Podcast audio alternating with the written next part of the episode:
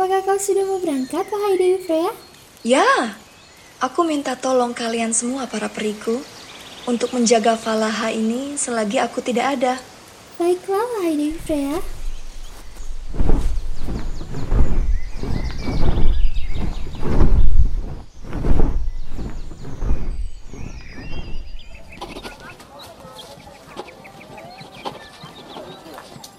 Hmm, sepertinya ini lebih bagus untuk Dewa Zeus dan Dewi Hera.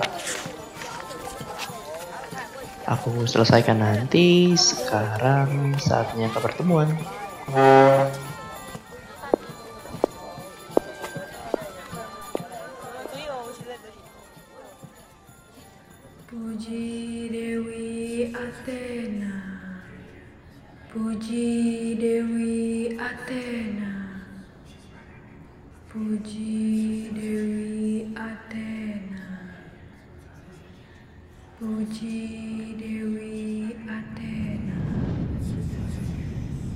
Diberkatilah kau sudah memuji Dewi Athena.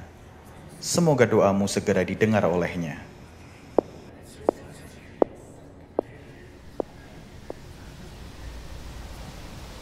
Hah, haruskah aku melompat?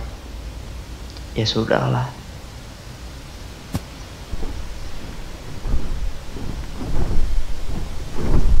Hmm, anginnya tidak kalah sejuk dari Valhalla.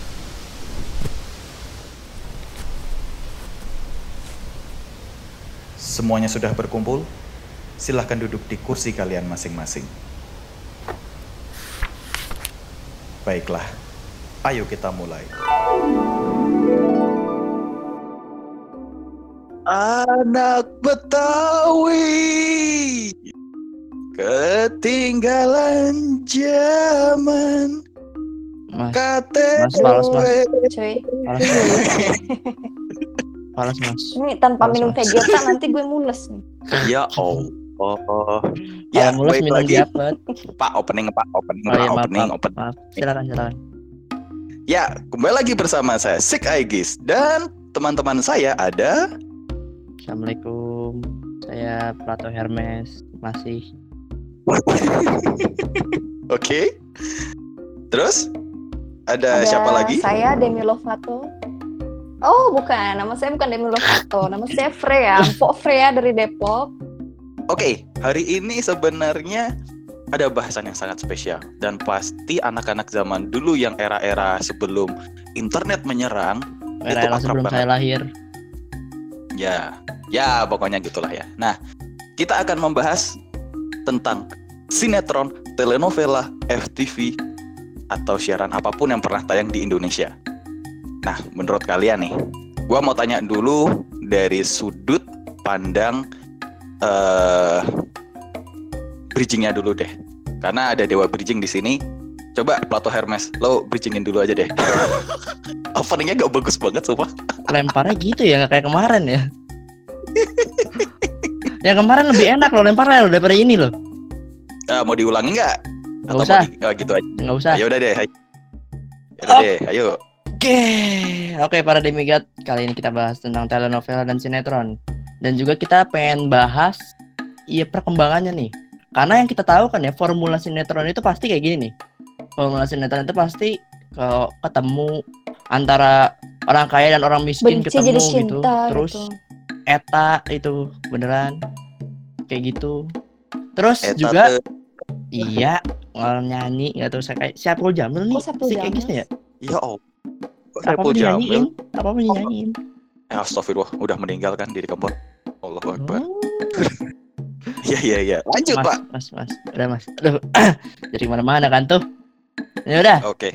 Dan juga setiap mesti nih, mesti sinetron atau telenovela yang kita tahu zaman sekarang mesti pas tiap ratusan episode tuh nggak tahu nggak tahu pikirannya udah bingung mau bikin cerita apa lagi pasti ada aja yang lupa ingatan itu antara karakter utama atau siapanya itu pasti lupa ingatan tuh nah sekarang kita Ya, gua pengen mbak kenapa tuh Gue bisa jawab sih. Sebelum lo, lo melanjutkan, Ya gue harus memotong dulu. Ini penting, Pak. Harus Iya. dibahas sebelum kita lanjut. Iya. Jadi sebenarnya kenapa cerita itu akhirnya keluar dari jalur utamanya karena sebenarnya adalah kebutuhan untuk bisnis pak. Kalau misalkan ceritanya nggak lanjut, mau makan apa pak? Iya, itu kan itu kan dari bisnisnya. Hei, Anda megang mitologi, kenapa jadi Oh tiba-tiba iya, iya. bisnis? oh iya, iya, lanjut pak, lanjut pak. Mohon maaf pak, mohon maaf. Ini kita samain dulu nih. Ini apa kita satu generasi apa enggak nih? Oh, enggak lah, enggak, enggak, enggak. Saya itu generasi yang udah GGS. Generasi GGS Anda pokoknya. lahir tahun 2000-an, cuy. Eta. iya, benar. Pasalnya enak banget anjing. gue 90-an Iya, saya soalnya gitu. Gue 90-an. Oh, Yes. 90-an Juga. ya. Kita juga satu ini kan, satu satu aliansi kan. Mbok, ya harusnya paling muda. Dia mungkin generasi ini, generasi apa? Generasi anak langit kayaknya. eh ngomong-ngomong masalah generasi, sebenarnya kalau boleh gua bilang ya, Mm-mm. Eh generasi sinetron zaman dulu, mungkin lu juga pernah ngerasain nih, Pok. Generasi eh, sinetron-sinetron zaman dulu itu kayak kayak lebih apa ya, lebih ngeras ngerasa ininya loh, maksudnya emosional Ah, banget. ah, ah. Iya, lebih dinamis, Iya. emosional banget kan. Ketimbang dengan mungkin sinetron-sinetron zaman sekarang yang mungkin template-nya udah ada tinggal lo bikin cerita dengan karakter yang beda aja udah tapi template udah ada gitu cuma kalau dulu itu kayak ngerasa bahwa lebih variatif aja Mm-mm. gitu lo ngerasa gitu kok Siapa dulu nih gue? iya kan gue panggilnya Mpok iya, bukan sorry sorry. bu Ini bukan salah denger gue salah denger. Oke, kalau kata Iya, gue sih iya. ya sebagai eh, generasi 90-an yang dari TK pun saya sudah nonton sinetron, sinetron, telenovela, apa pun itu saya tontonin gitu. Saya anak TV banget gitu kan, saya suka mantengin TV. Emang beda sih kalau dulu itu apa ya? Kayak per minggu dan memang menariknya itu juga sinetron-sinetron suka mengadaptasi dari buku novel-novel gitu kayak Mirawe atau enggak kayak cerita ada dari cerpen ya. Cerpen dulu kan ada sine, kayak sinetron kayak FTV gitu. Oh mama oh papa gitu. Itu kan dari majalah eh, dari majalah Kartini cuy. Itu tuh dari diangkat dari cerpen-cerpen majalah Kartini yang bertemakan tentang keluarga gitu. Suami istri selingkuh atau anak yang dibuang atau gimana gitu. Kayak gitu. Sebenarnya ada juga sih eh, kalau yang sekarang yang tema-temanya kayak gitu. Cuman kayaknya kalau sekarang kayak rada-rada nyomot-nyomot dikit nih dari entah itu drama Korea atau drama-drama kayak Twilight gitu kan diadaptasi kayak entah dicampurin atau gimana jadinya GGS gitu. Atau anak harimau GGS gitu Twilight kan. banget itu. anak harimau GGS anak Twilight banget tuh. kucing gitu. Apa sih? Anak kucing. Anak Oke. manusia harimau ya? Ya. Tujuh manusia harimau gitu kan yang gitu-gitu gitu. Sebenarnya dulu juga ada itu sih kayak laga pun ada gitu. Istilahnya yang kolosal kolosal tuh ada. Yang kolosal kayak Angling Dharma apa gunung misteri Gunung Merapi gitu kan. Kayak Joko Tingkir. Ya hafal banget gue Kian Santang Oh, dan gitu segala kan. macam ya. misteri gitu gitu terus belum juga kayak yang anak kecil gitu kayak anak ajaib. Terus apalagi ya dulu banyak sih kayak yang anak kecil gitu. Banyak dan pokoknya, Mbak Yul banyak gitu lah kan pokoknya. ya. sama Hmm, sama kayak Jini Ojin nih Jadi banyak gitu lah kan. pokoknya. kayak Iya. lebih mungkin genrenya lebih beragam ya kalau sekarang tuh kayak yang stripping percintaan gitu yang panjang gitu.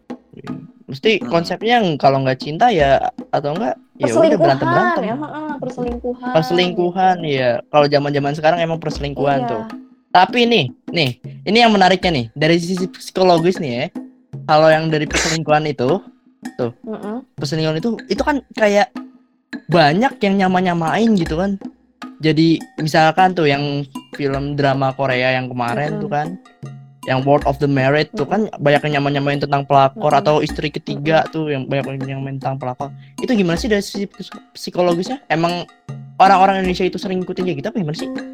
Sebenarnya mungkin karena jalan ceritanya ya, mungkin karena relate banget tentang beberapa kasus-kasus eh, perselingkuhan yang kebanyak eh, yang banyak dialami oleh pasangan juga kali ya. Yang pertama itu dan kayak kayaknya akhir-akhir ini tuh memang lagi hits banget eh, genre-genre yang tentang perselingkuhan gitu kan aku juga nggak ngerti Iya, sih aku nggak terlalu iniin Dan juga- Korea gitu. Lagi sering banget yang namanya itu ny- nyama-nyamain ya. Nyama-nyamain apa maksudnya? Kayak kayak sifat atau kayak perlakuan dan segala macamnya gitu. Oh iya ini sih. Misalkan ya kayak misalkan mental kalau kalau kayak kita sebut mental illness gitu atau gangguan jiwa. Oh. Kan film kan banyak tuh Mm. seperti film Joker tuh. Mm, tiba-tiba pas kita nonton film Joker habis nonton film Joker kita kayak wah gue anxiety kali ya. Wah gue bipolar kali ya gitu. Iya iya iya. Jadi kan ba- banyak-banyak yang berspekulasi seperti itu gitu banyak yang mendiagnosa diri sendiri gitu ya ini gue sakit apa sih Bener Gitu, banget. kayak gue merasa Iya, kayak self-diagnose, Joker gitu kan iya. Eh, eh. dari sisi sinetron sendiri kan juga banyak kan yang kayak gitu Iya, maksudnya tergantung temanya juga kan. Kalau misalkan dia temanya tentang Iya. kriminal atau tentang apa thriller psikologis gitu yang gitu-gitu, kadang kayak, ih kayaknya gue relate deh. Maksudnya gue adalah orang jahat yang tersakiti, yang dulunya tersakiti, sekarang gue jadi jahat gitu. Mm-mm.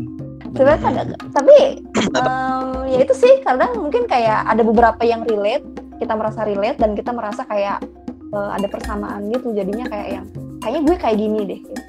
Tapi kan sebenarnya kalau minta Iya. kalau misalnya mental illness atau kayak disorder disorder gitu atau kayak gangguan jiwa lah ya, gangguan jiwa gangguan jiwa gitu kan kayak nggak nggak nggak bisa sembarangan kita misal bener labelin oh ya gue nih eh, psikopat nih atau misalkan gue nih bipolar nggak bisa karena itu kayak harus berdasarkan diagnosa dari dokter psikolog dulu ya atau dari psikiater dari gitu. psikolog dan psikiater iya Nah, jadi kita sangat hindari banget gitu eh, untuk mendiagnosa diri kita sendiri gitu saya Benar. takutnya Nah, ya itulah gitu kan makin makin makin cemas dan sebagainya Oke. Nah, berarti gue punya pertanyaan nih. Maksudnya kan tadi si Plato Hermes kan memang tanya masalah uh, lebih ke relate-nya sinetron terhadap perilaku manusia dan lebih relate-nya dengan eh apa sih sisi psikologi manusia. Nah, gue penasaran nih. Lo punya nggak sih sebuah informasi mengenai sisi psikologi dari orang yang nonton sinetron atau sisi psikologinya orang setelah pasca nonton sinetron lo punya nggak informasi? Atau lo punya simpulan sendiri? Sisi maksudnya dampaknya gitu setelah kita menonton sebuah tayangan. Mm-mm, betul. Dampaknya sebuah nonton ada tayangan. sih gitu kan. Eh, kan kalau misalkan kita nonton sebuah tayangan pasti kayak memori kita tuh eh, istilahnya merekam gitu kan merekam. Terus kadang kita mengasosiasikan eh, adegan-adegan atau beberapa kejadian di dalam film dengan kejadian kita sendiri gitu. Makanya kadang kita merasa relate dan hmm, merasa kayak dekat dengan karakter yang kita tonton atau dengan eh, film favorit kita gitu. Itu. Nah benar, benar. selain itu juga sebenarnya ada ada ada iya. efek mengcopy gitu meniru. Bisa jadi meniru. Makanya kan eh, banyak ini misalkan kayak pembunuhan yang di Amerika gitu yang tem apa? Yang pembunuhan massal dengan nembakin gitu terinspirasi oleh Joker gitu kan. Jadi memang kayak ada dampak efek-efeknya tapi tergantung gitu kan eh, nggak bisa disamaratakan gitu. Oh dia kayak gini berarti setiap orang yang nonton Joker bakal gini dong? Enggak gitu tergantung pemaknaan setiap individunya gitu kan. Individunya pasti punya tergantung persepsi dari dan kita sendiri berarti ya? yes, pe- pemikiran dan persepsi sendiri gitu. Nah, ber- nah, berarti secara tidak langsung, gue gua, gua, lo boleh koreksi gue nih. Sebenarnya ada nggak sih teori imitating ada ada ada nonton? Maksudnya di psik- kan? Mm-mm. Maksudnya berarti teori imitating kan kalau itu kan? kenapa Mengimitasi. Ya berarti masuknya teori imitating kan? Jadi kayak mengimitasi sebuah adegan di dalam satu tayangan iya itu untuk dijadikan mm-mm. bahan untuk kita bertindak Mm-mm. kan? kalau Gitu. secara psikologinya itu namanya coping coping. Jadi kayak kita mengcopy gitu. Kita mengcopy kita meniru sesuatu gitu. Misalkan em, cara balas dendam Joker itu dengan seperti ini. Gue punya dendam juga nih.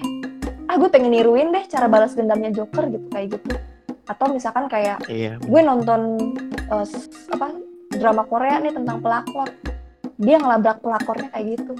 Terus kayak secara sadar nggak sadar juga kayak kita mungkin terinspirasi atau kayak eh, mengcopy cara dia ngelabrak ngelabrak si pelakornya itu sebenarnya nggak nggak nggak di sinetron juga sih dalam kehidupan sehari-hari pun itu eh, kita, kita dalam mengcopy sesuatu itu adalah hal yang lumrah gitu yang sadar nggak sadar kita lakukan. Bahkan ya bahkan kebanyakan sinetron juga mengambil dari sifat-sifat manusia sendiri iya kan? betul betul kayak mengadaptasi dari perlakuan manusia sendiri. Heeh, peristiwa-peristiwa sehari-hari Dan- gitu. iya. Dan kalau dari sisi mitologinya sendiri nih kan banyak banget tuh sinetron-sinetron yang bertemakan mitologi kayak Angling Dharma tadi Kian Santang dan segala macamnya tuh. Nah perkembangan dari sisi mitologinya sendiri itu bagaimana sih Mas Sik Egis? Gila. Sebenarnya kalau ngomongin masalah mitologi, Indonesia itu tidak akan pernah lepas dari dua sisi mitologi, yaitu horor atau mistis dan satu lagi legenda. Mm-mm. Cerita yang diangkat di eh, cerita yang diangkat di kebanyakan sinetron di Indonesia itu pasti berdasarkan mistisme dan legenda. Dua hal itu yang paling sering. Kita ambil contoh Angling Dharma. Angling Dharma itu adalah salah satu contoh menurut gue ya, menurut gue adalah salah satu contoh sinetron yang dia bisa memadukan dua aspek tadi, legenda dan mistis. Karena karena gini, Angling Dharma itu secara konsep itu masih abstrak. Kita semua nggak ada yang tahu nih Angling Dharma itu konsep dasarnya seperti apa. Sebenarnya nggak ada yang tahu kalau Angling Dharma itu sebenarnya secara empiris adalah keturunan dari bangsa Lemuria Oh. kita nggak kita nggak ada yang tahu bahwa sebenarnya Angling Dharma itu keturunan dari bangsa Lemuria di mana nama asli Angling Dharma itu adalah Arkitirema. Kalau di Jawa disebutnya Akitirem kalau di Sunda disebutnya Angling kalau di budaya eh kalau di di budaya apa sih ya Konf- Konfusian Angling Dharma ini adalah bodhisattva. Jadi sebenarnya namanya banyak Cuma yang kita kenal adalah Angling Dharma itu eh, yang versi yang ada di serial eh, di televisi saja gitu, di mana dia digambarkan bisa menunggangi kuda, sangat kuat, hebat gitu kan. Sebenarnya itu pun juga tidak salah, karena itulah sisi mistisme yang akan diangkat, eh itulah sisi legenda yang akan diangkat dalam sebuah cerita. Sementara kalau sisi mistismenya, Angling Dharma ini masih simpang siur, dia tuh sebenarnya siapa gitu. Ada yang berspekulasi dia itu adalah anak dari salah satu ma- makhluk Lemuria. Ad- Ada yang berspekulasi dia itu disebutnya ini ini itu. Tapi secara legenda ya seperti ini gitu. Makanya itu salah satu contoh yang menarik gua untuk dan mungkin salah satu cerita fil eh cerita serial di TV yang menurut gua paling ngena setelah Wiro Sableng. Paling ngena banget gitu. Oke. Ya apalagi kan pemerannya kan, gue lupa pemerannya si Angling Dharma siapa. Tapi keren banget sumpah itu meranin. Aduh gila gila keren keren. Iya benar. Terus juga eh, dari sisi mitologinya sendiri kan kita yang kita tahu juga banyak kan kayak Kian Santang gitu-gitu. Tapi dari segi ceritanya nih, dari segi cerita yang di mitologi aslinya ini, kayak kalau Kian Santang itu kan mesti kan ada bumbu-bumbu sedikit perubahan gitu buat buat kayak ya mem apa sih kayak bumbu ceritanya buat memperkuat cerita gitu.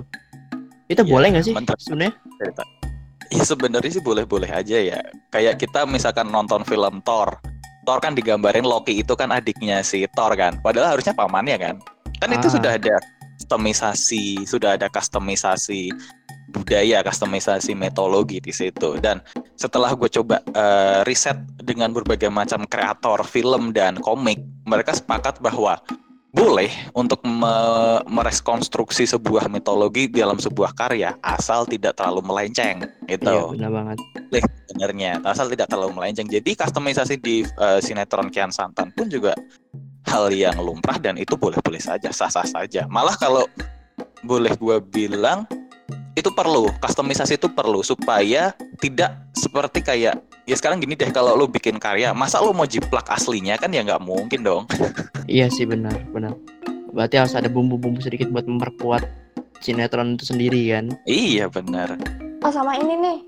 Atau- Kenapa? Nah, gimana? Sebelum gue lupa. Apa? Sinetron Iya, yang sangat apa? menarik Silakan.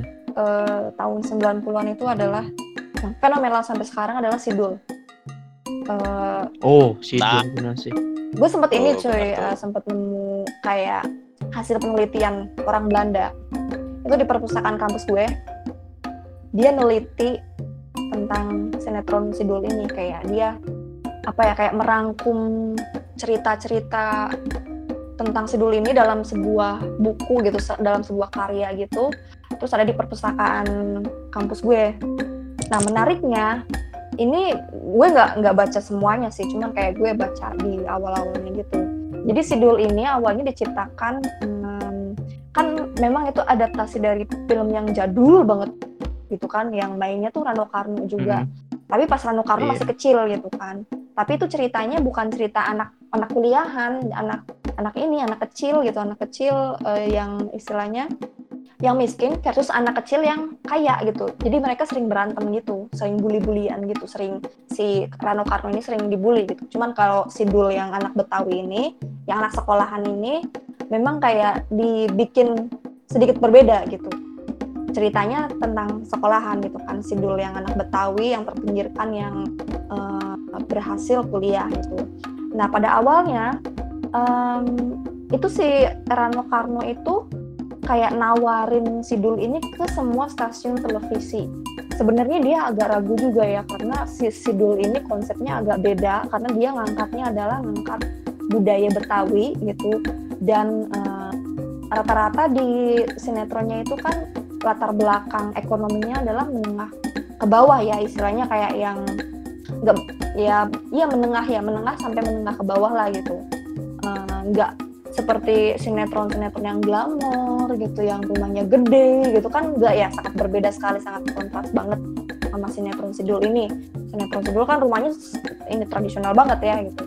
Dia nawarin itu pada nolak semua cuy. Eh, banyak yang nolak, banyak stasiun TV yang nolak karena mereka takut Sidul ini kagak bakal laku gitu di pasaran. Orang-orang pada nggak mau nonton gitu. Karena satu em, kayak apa ya ya pemainnya juga pemain mandra gitu kan bukan bukan yang eh, ngejual yang Bukan yang cantik, terkenal oh, ya. bukan yang terkenal Bukan yang terlalu cantik seksi gitu waktu itu pun eh, Cornelia Agatha terus kayak Maudi Kusnaidi juga bukan yang eh, udah terkenal banget kayak Desi Ratnasari atau Hmm. apa gitu kayak masih Yang pendatang paling baru. terkenal mungkin Benjamin doang. Iya, ya? ah, Benyamin doang gitu dan itu ternyata di dibeli sama siapa ya RCTI atau apa gitu. Terus akhirnya meledak RCTI. banget gitu kan, meledak banget sampai sebenarnya itu budgetnya itu pas-pasan si Rano Karno itu pas buat itu.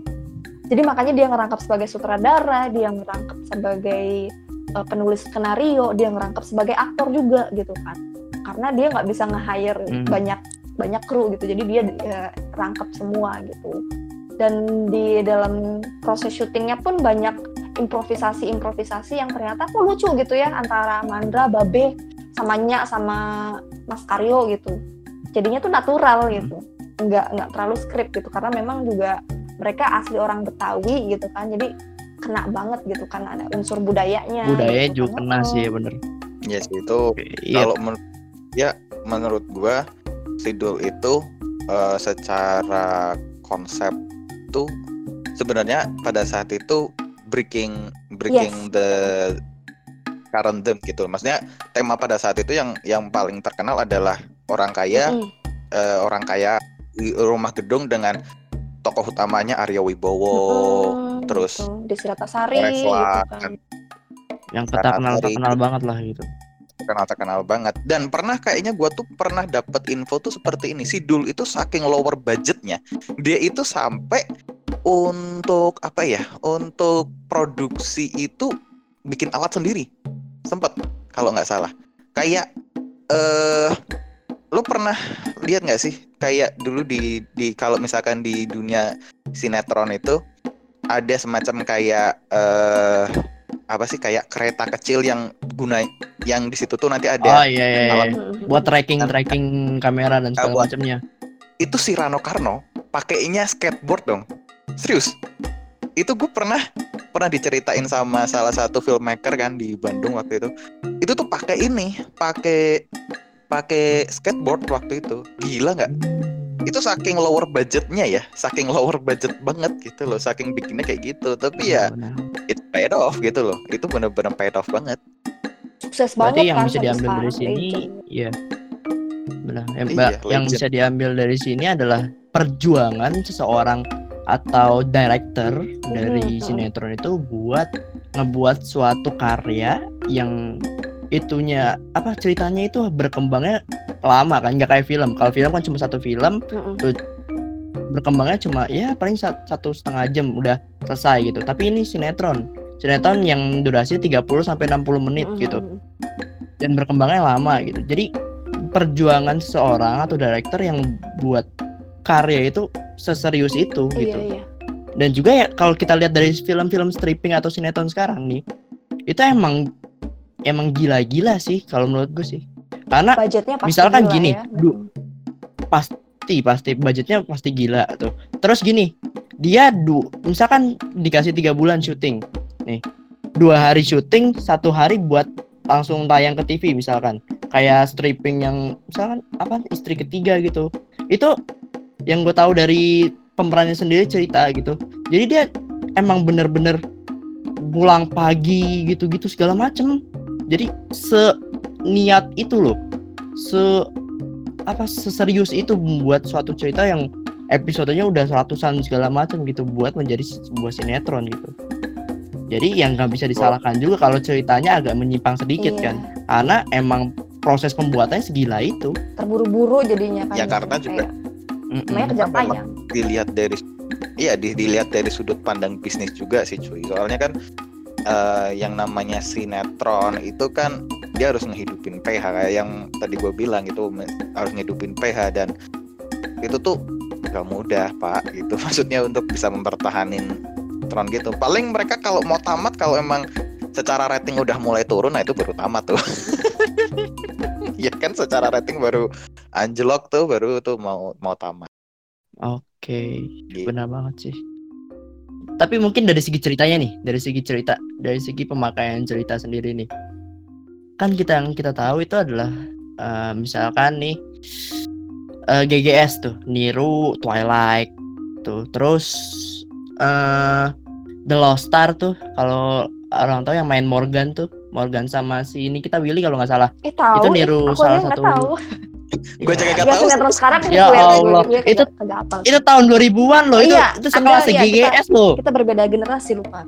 Ya Allah, Anda 2000-an sudah pada kerja ya kayaknya ya? Saya 2000-an udah Udah tapi- kerja kayaknya. Ntar kalau kalau ngomongin GGS, gue masih sempat em, masih sempat ada di era gue tuh GGS. Sebenarnya kalau GGS itu bukan dari Twilight sih, tapi lebih ke Teen Wolf. Oh, Teen Wolf kan tunggu. serial, eh, serial di Amerika nggak salah ya, Teen Wolf. Hmm, hmm. Jadi sama kayak Werewolf gitu. Iya, tapi tapi eh, dari segi ceritanya sendiri kita yang kita tahu ini GGS itu orang-orang nangkapnya malah ini Twilight nih gitu. Twilight banget ini gitu. Terus juga Iya, kayak soalnya sih eh, terkenal Twilight pada saat itu kan. bener banget. Terus eh, misalkan pernah ada yang nonton Meteor Garden ya? Iya iya. Iya. Oh iya me. Nah, udah. Iya. Ya udah, nggak usah di, nggak usah dinyanyiin, udah, udah cuk, eh, udah cuk, nyanyiin mulu. Kan- Banget sama Pak Produser lo. Ya Allah, ya udah nih, kan banyak banget nih dari dari yang kita tahu nih remake gitu, remake Meteor Garden udah ada yang nonton belum nih sebelumnya? Remake Meteor Garden Ini Boys Before Ada, Flower. Emang di Oh, yang yang Bukan, ada Indonesia, lagi, yang ada lagi. Indonesia, yang Leoni cuy. Yang Indonesia, Siapa takut jatuh cinta. Mm-mm. nah iya benar. Terus ada lagi yang baru lagi nih dari nggak Cina, dari Cina, beneran Eh, ada yang baru lagi. yang itu cuy udah. Gue mentok di Boys Iya. Before ah, Boys Before Flower aja udah. Nah itu, itu masalah kalau remake gitu atau kan remake kan banyak tuh. Oh Mama Oh Papa juga di remake kan tuh sekarang di Antv kan. Oh iya. Terus Oh, eh apalagi tuh lumayan banyak sih yang di remake ya. Kayak si Boy, si Boy, catatan si Boy juga di remake kan? Wah, gue suka banget tuh catatan si Boy di Nah, remake iya. tuh. Gue Suka pendapat serius. kalian nih, pendapat kalian dari film remake atau sinetron yang di remake gitu. Pendapat kalian seperti apa sih?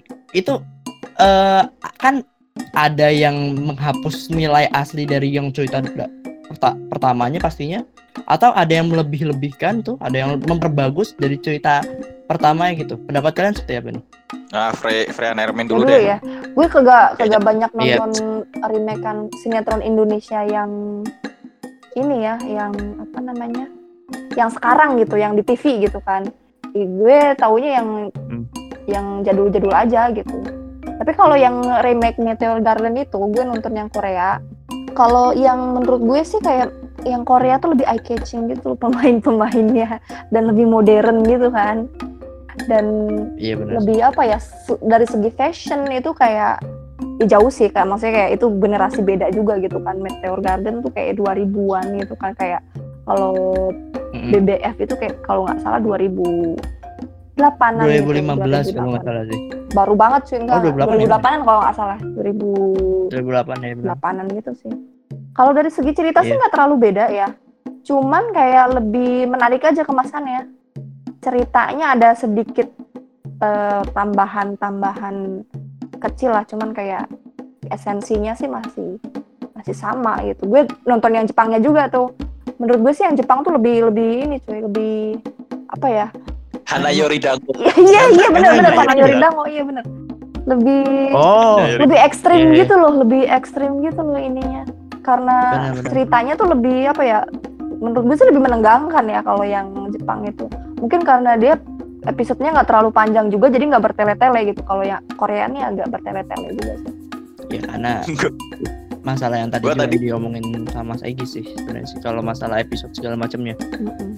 Tapi kalau kalau dari omongan si tadi yang bahas masalah Meteor Garden, gue sebenarnya pengen banget tadi nyautin shout out Hanayori Dango dan untungnya di shout out sama si Freya Nermin. Yes. iya iya baru ingat gue itu si siapa Gue aduh pernah nonton Itazura. iya gue pernah nonton Ah, ya Allah itu waktu gue SMP cuy itu favorit gue Orang itu tua mulai satu frekuensi ternyata. Oke, orang tua mulai satu frekuensi ternyata. itu favorit gue itu favorit gue itu ada remake-nya juga kan yang Korea cuman menurut gue yang Korea nggak terlalu nggak terlalu ini enggak enggak terlalu bagus.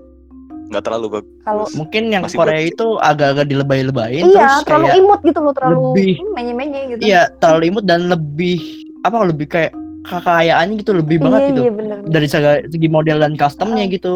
Kan yang kita tahu yang film 2000-an kema yang tahun lalu tuh yang pertama banget Meteor Garden itu kan rambutnya masih emo-emo gitu. Terus bajunya masih ya, ya itu-itu aja gitu. Mm-mm. ya belum belum terlalu belum terlalu modis lah belum terlalu zaman zaman sekarang banget lah gitu tapi kalau yang di sekarang sekarang nih kayak bajunya kayak ngikutin zamannya sebenarnya kalau ada KR seru sih sebenarnya. Terus eh ngikutin zamannya dan segala macamnya gitu. Karena kan ini kan ngomongin make up dan fashion ya.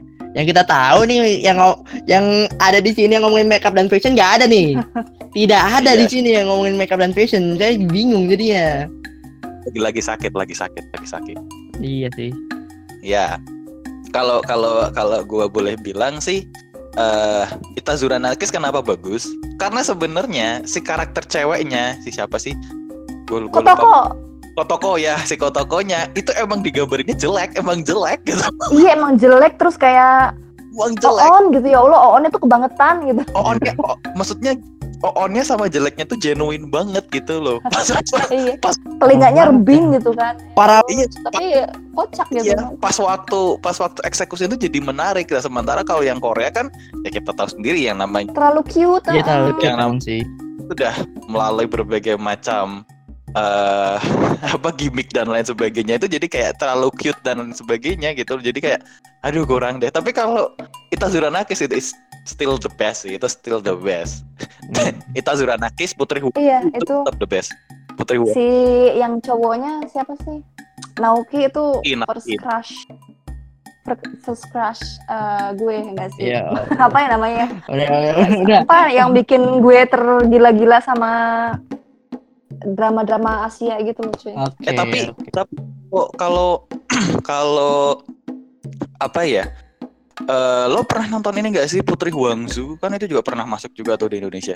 iya Iya, itu iya. waktu gue kecil banget cuy gue gue lupa tapi ceritanya tapi kayak Putri tuh. tapi Terus- kayak gue nggak terlalu keras Cuma keras doang, sunggokong sunggokong sunggokong tuh ya itu ngikutin gue ngikutin Eh, still the best tuh. Kerasakti kalau kalian Mm-mm. Mar Kerasakti itu adalah sebenarnya cerita gini. Kerasakti itu sebenarnya dari novel. Namanya Journey to the West. oh, iya. itu salah Bagus. Itu dari tiga novel legendaris dari daratan Cina. Oke. Ada Journey to the West, ada Suikoden juga. Itu salah satu. Jadi kalau kalian pernah main game Suikoden, Suikoden itu diangkat dari novel legendaris Jepang. Artinya Hmm. batas air atau water margin. Kayak Journey to the West pernah dijadiin film deh, kalau nggak salah deh. iya iya. Journey Journey to the West pernah pernah dijadi film. Diadaptasi, Pernah, pernah. diadaptasi. Mungkin kalau dari Sun Gokong itu diambil dari karakter ya mungkin ya. Karakter karakter. iya ini juga karakternya kayak Sun Gokong emang Sun Gokong juga gitu. Oh. maksudnya kayak kera gitu kera Hmm. tapi gue nggak nonton tuh itu namanya Sun Gokong apa bukan ya Kalau yang keras sakti itu kan emang emang mitologi banget tuh, mitologi Buddha segala segala. Sama soal Mm-mm. itu. Banget banget lah mitologinya. Dapat. kayaknya udah ada campur tangan Hollywood Hollywood Hollywood Nah, nih gitu kayaknya Kalau yang sekarang sih, Hollywood. kalau yang sekarang sih. Kalau yang The Monkey King yang sekarang sih emang iya. Memang ada campuran tangan Hollywoodnya. Karena dari segi ceritanya juga ya ya Hollywood banget gitu. Kayak ada sisi-sisi Hollywoodnya. Kalau nonton ya ini film sih tapi ya ada tiga tuh film The Monkey King satu, dua dan tiga. Belum habis sih sebenarnya ada yang keempat, kelima dan segala macam tapi belum dibuat. Ceritanya hampir sama sih sama Sun Gokong yang dulu gitu. Kera, musuhan sama dewa dan akhirnya jalan ke barat gitu buat mencari kitab suci dan segala macam. Iya. Ada satu theme song yang paling gue inget. Si gajah menari, kera bisa memanjat, musang bisa jungkir balik. Hey, Saya mah tetap mas keras sakti tak pernah berhenti. tetap itu lagu terbaik Iya. sepanjang masa ya. Mantap. Ya, ya. Terus kita juga pernah di tayangan kita tuh kedatangan juga dari telenovela. Wah ini jagonya si Freyan Armin banget nih. Ini kan emang veteran telenovela ya lo. Pernah ya? Aku udah gue Pernah. nontonin Pernah jadi pemeran telenovela ya. telenovela. gila tua banget gue kalau jadi pemerannya Enggak, gue paling inget dulu namanya Sergio. Sergio itu di karakter mana? Di, di telenovela mana? Gua- Marimar Marimar. Iya, yang lagunya Marimar. Au. Gitu. Iya, apa lanjutannya? Kagak ada ya? Sotomi baso. Ah, bisa bisa bisa bisa Bisa. Nah, kalau di Jawanya Marimar, hey Pak Tuku Bakso. Nah, padahal nggak tahu ininya. Ah, Marimar terus ada eh, apa sih? Eh, Amigos. Iya. Iya. Banyak sebenarnya kalau telenovela ya, kita tahu ya. Eh tapi Amigos, Rosalinda, Esmeralda, Marisol, Maria Mercedes, Maria Maria Maria del del Barrio, Nah, itu itu Armin banget lah. Ya. Iya. Esperanza. Tapi emang nama-namanya begitu apa emang dari Karena karena telenovela itu ini cuy apa namanya drama Latin, drama Amerika Latin. Oh. Biasanya kayak Meksiko, Kolombia. Kalau Kolombia tuh ini si Betty La Fea tuh dari Kolombia. iya. Betty La Kebanyakan sih dari ini dari Meksiko. Betty La Fea ya benar-benar lupa. Iya. Betty Tapi La kalau Fea, bener. kalau Iya Betty, Betty La Fea. kalau disamain jam sama zaman sekarang kayaknya lebih bagus zaman dulu ya telenovelanya daripada zaman sekarang ya. Karena zaman sekarang juga ya udah kurang Ya. sih kayak telenovela zaman sekarang. Kalau- iya kalau sekarang tuh ini cuy drama Turki atau enggak drama Korea. Drama Korea kan sekarang Bener sedang banget. merajai gitu kan. Membara-bara. Atau enggak ini sinetron India. Sinetron India tuh iya. Hmm, banyak banget sinetron India tuh. Antv contohnya. Mungkin karena ini ya sensornya ketat gitu sekarang. Jadi kayak eh, drama-drama Amerika Latin tuh tidak lulus sensor. Benar. Hey benar. KPI ICU. KPI ICU. benar benar benar benar karena eh, emang dari Indonesia sendiri gini gitu. Kalau kita lihat-lihat gitu emang kalau sensornya udah bergerak gitu, jadi kita nggak bisa nonton di TV dan segala macamnya gitu.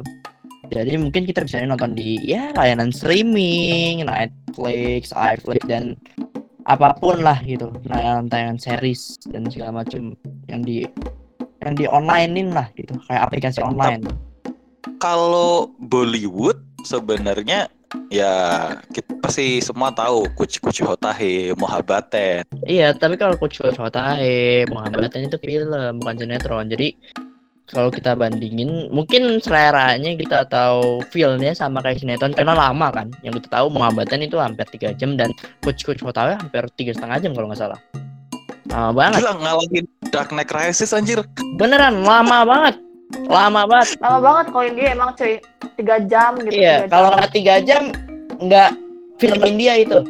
Pasti soalnya banyak nyanyinya. Nah iya itu banyak nyanyinya terusnya bener-bener. pasti di atas pohon di, ba- di bawah di bawah rindang pohon gitu terus saling umpat-umpatan ya Allah Gandum dapat karung gandum merah milik gandum. udah udah udah udah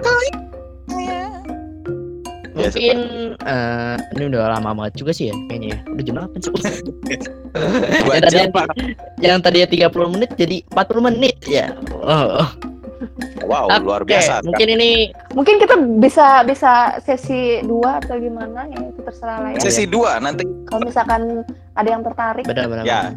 saya sebagai seorang produser eh, saya sebagai produser di sini akan merestui untuk menambahkan satu part lagi supaya si Smash and Pumpkin sama Siren Jazz juga bisa ikut. Jadi untuk sesi pertama ini kita bertiga dulu nanti sesi selanjutnya kita bakal lebih heboh lagi tentu saja.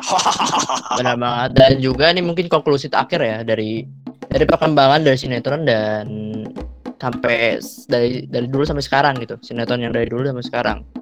Mungkin ini konklusi terakhirnya ya feel sinetron itu jangan diubah gitu jangan sampai diubah dan jangan sampai peminatnya itu yang dulu dulu kan misalkan peminat sinetron sinetron dulu kan kayak anak-anak muda zaman dulu sampai tua sekarang kalau ngeliat sinetron yang sekarang kayak ih ber- berubah banget gitu. Jadi ini bukan gua lagi nih gitu jadi ada sisi kayak bukan gua banget yang sinetron. Awalnya feelnya jangan diubah gitu feelnya disamain biar anak-anak muda zaman sekarang gitu kayak nostalgianya ada dan juga anak-anak anak udah yang udah tua gitu jadi nostalgianya ada kalau dari Ya, buat ini. berdua sendiri Freya Nermin dan Sik Egis gimana konklusi terakhirnya aja Mungkin lebih ini ya. Lebih daripada fokus ke kuantitasnya daripada fokus kayak ke seberapa sering dia tayang atau kayak seberapa panjang episodenya kayak mending lebih fokuskan ke jalan ceritanya ke kontennya gitu supaya kayak nggak terlalu enak gitu nggak terlalu eh, panjang ikutinnya nggak terlalu ngaco gitu nanti endingnya. Dan nggak banyak toko-toko baru gitu. Iya bener banget sih. Itu aja sih kali ya kayak ya maksimal tiga kali dalam seminggu tayang atau gimana gitu. Iya. Kalau gua sendiri sih sebenarnya eh gua adalah orang yang cukup minat untuk menonton sinetron sampai akhirnya sinetron terakhir yang gua tonton itu adalah catatan si boy yang remake yang di Net TV sama eh, Oke Jack. Itu du eh sama tik satu lagi itu eh, tetangga masa gitu. Nah, itu tiga itu tuh menurut gue adalah final eh sama kelas in- kelas internasional 4 menurut gua empat itu adalah final sinetron yang masih gua tonton sampai sekarang. Walaupun sekarang mungkin sudah tayangannya lagi ya, tapi eh menurut gua adalah sebenarnya potensial banget kok untuk bikin cerita yang menarik asal semua itu dikonsep dengan rapih. Nah, bukan cuma mengejar traksi dan juga bukan meng- cuma mengejar rating dan oke lah mau juga butuh uang tapi yang namanya karya seni itu tetap berdiri sendiri. Wah anjir bahasa gue keren banget ya. dan juga karya seni itu nggak boleh main-main sih sebenarnya. Itu dia. Dan ngomong-ngomong masalah karya seni di SNM nanti bakal ada eh, cerita-cerita originals bikinan tim SNM sendiri dan juga kontributor dengan judul On Music Spell dan satu lagi adalah Shinigami Stories yang bisa kalian nikmatin para demigod hanya di channel SNM. Nah, Oke, dan mungkin segitu aja sih dari kita. Jangan Oke. lupa juga buat follow podcast mitologi IG-nya namanya podcast mitologi dan juga dengerin di Spotify sudah tersedia di Spotify loh jangan lupa Oke. Ya, gua Sik Aegis pamit undur diri. Terus yang lain silahkan. Saya Freya Nermin. Saya Satu Plato lagi. Selamat malam. Saya Plato Hermes. Undur diri. Wassalamualaikum warahmatullahi wabarakatuh. Sampai jumpa di kesempatan selanjutnya. Bye bye. Oke.